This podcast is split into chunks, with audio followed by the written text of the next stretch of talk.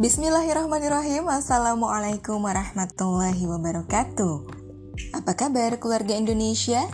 Selamat datang di Keluarga Bahri Kembali lagi di segmen book review. Kali ini masih di buku diskursus Islam Politik dan Spiritual Dari Kiai Haji Hafiz Abdurrahman.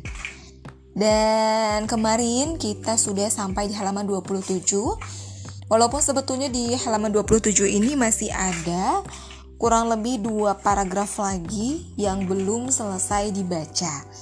Nah, oleh karena itu silakan keluarga Indonesia untuk dipersiapkan. Nyalain terus Spotify-nya, kita akan sama-sama melanjutkan kembali membaca buku diskursus Islam politik dan spiritual dari Kiai Haji Hafiz Abdurrahman. Nah, keluarga Indonesia, kita akan mulai dari satu bahasan terkait dengan standar kebenaran agama dan mabda. Setelah membahas konsep Islam dan kufur, bahwa semua agama maupun mabda non-Islam adalah kufur, serta ruang lingkup ajaran Islam bahwa Islam bukan sekedar ajaran spiritual, tetapi juga politik, maka dapat disimpulkan bahwa Islam adalah agama dan juga mabda. Berbeda dengan Kristen atau Yahudi yang hanya merupakan agama dan bukannya mabda atau kapitalisme dan sosialisme yang merupakan mabda minus spiritualitas. Masalahnya kemudian adalah bagaimana cara kita menakar kebenaran masing-masing secara logis. Karena setiap muslim wajib memahami kebenaran pilihannya secara logis yang bisa dipertahankan secara argumentatif sebagaimana perdebatan antara Islam dengan kekufuran yang banyak dicontohkan dalam Al-Quran secara memuaskan. Di samping pembuktian yang normatif melalui nas Al-Quran dan As-Sunnah. Dari sisi perbedaan antara Islam dengan agama dan mabda lain memang sangat mendasar, baik secara konsepsional atau akidah maupun mekanisme operasional atau nizamnya. Di samping itu, setiap ajaran, baik agama maupun mabda, sama-sama tidak bisa hanya diambil akidahnya saja, sementara sistemnya diambil dari agama atau mabda lain. Sebaliknya, sistem apa pun harus diambil dari akidah tertentu yang melahirkannya. Sebab setiap sistem pasti bersumber dari akidah yang berbeda. Ketika ada seseorang yang mengambil sistem dari agama dan mabda lain, pasti orang tersebut meyakini akidah yang melahirkan sistemnya apakah secara keseluruhan ataupun sebagian.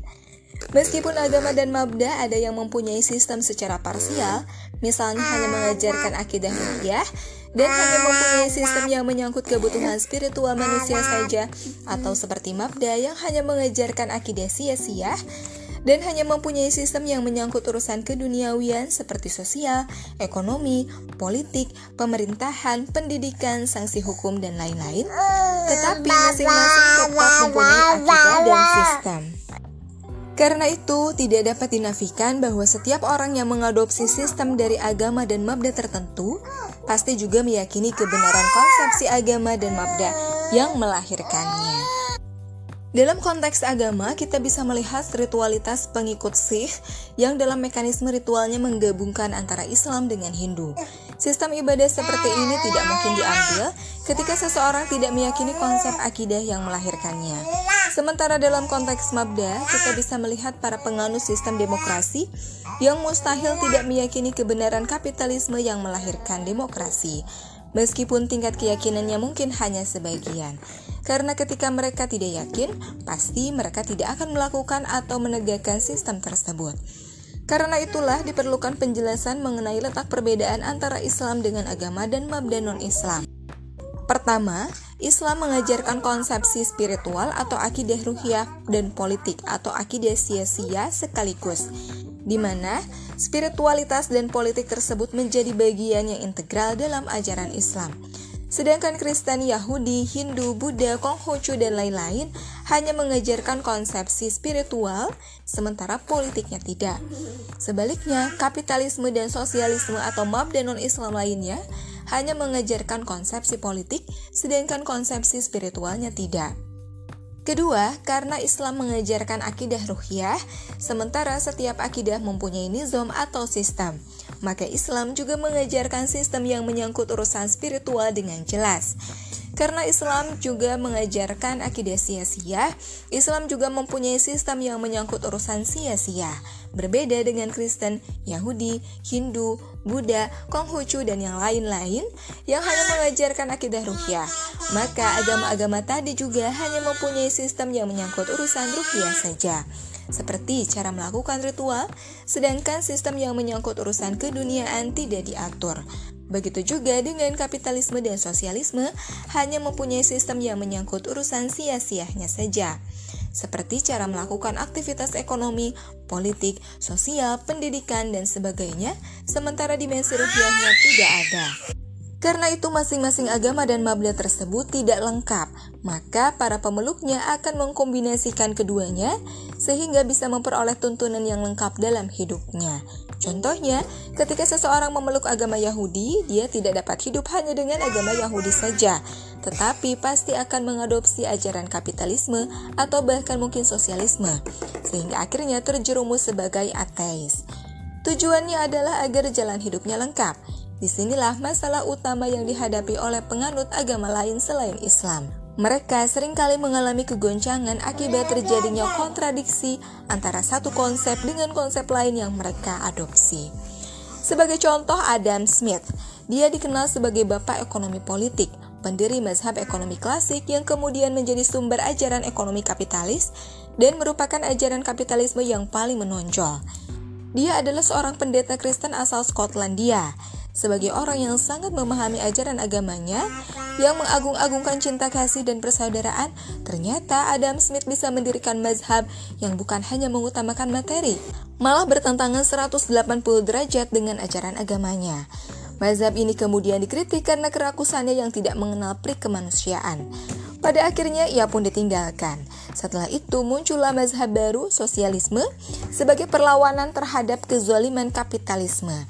Kenyataan ini bisa terjadi karena agama Kristen tidak mengajarkan masalah sia-sia keduniaan.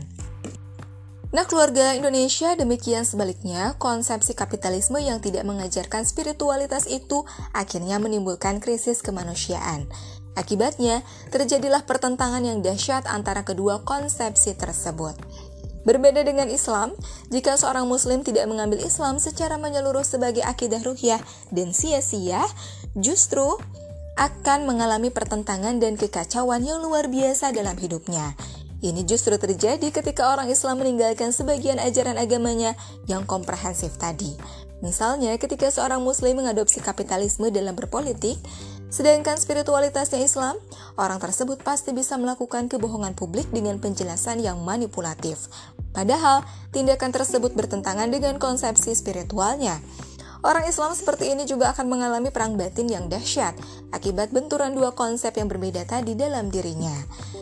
Dari uraian di atas dengan jelas bahwa agama dan mabda lain selain Islam nyata tidak lengkap. Tetapi gambaran di atas belum menunjukkan kebenaran atau kesalahan agama dan mabda tersebut. Adapun standar kebenaran konsepsi agama dan mabda tersebut ditentukan oleh dua hal. Pertama, keserasian kaidah berfikirnya dengan fitrah manusia.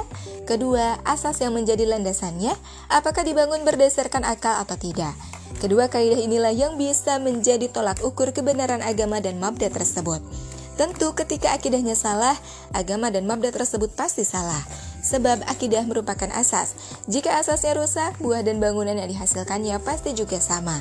Ini sebagaimana yang digambarkan oleh Allah Subhanahu wa taala dalam Al-Qur'an surah At-Taubah ayat 109.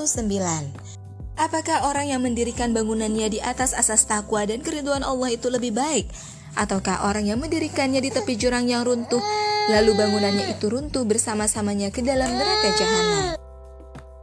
Nah keluarga Indonesia mungkin itu dulu untuk segmen book review hari ini Karena anak-anak ini nggak pada tidur jadi masih beraktivitas. Suara Zangki juga dari tadi ada ya kedengeran. Tapi semoga bermanfaat dan silahkan iya. Zangki ikutan bikin podcast ya.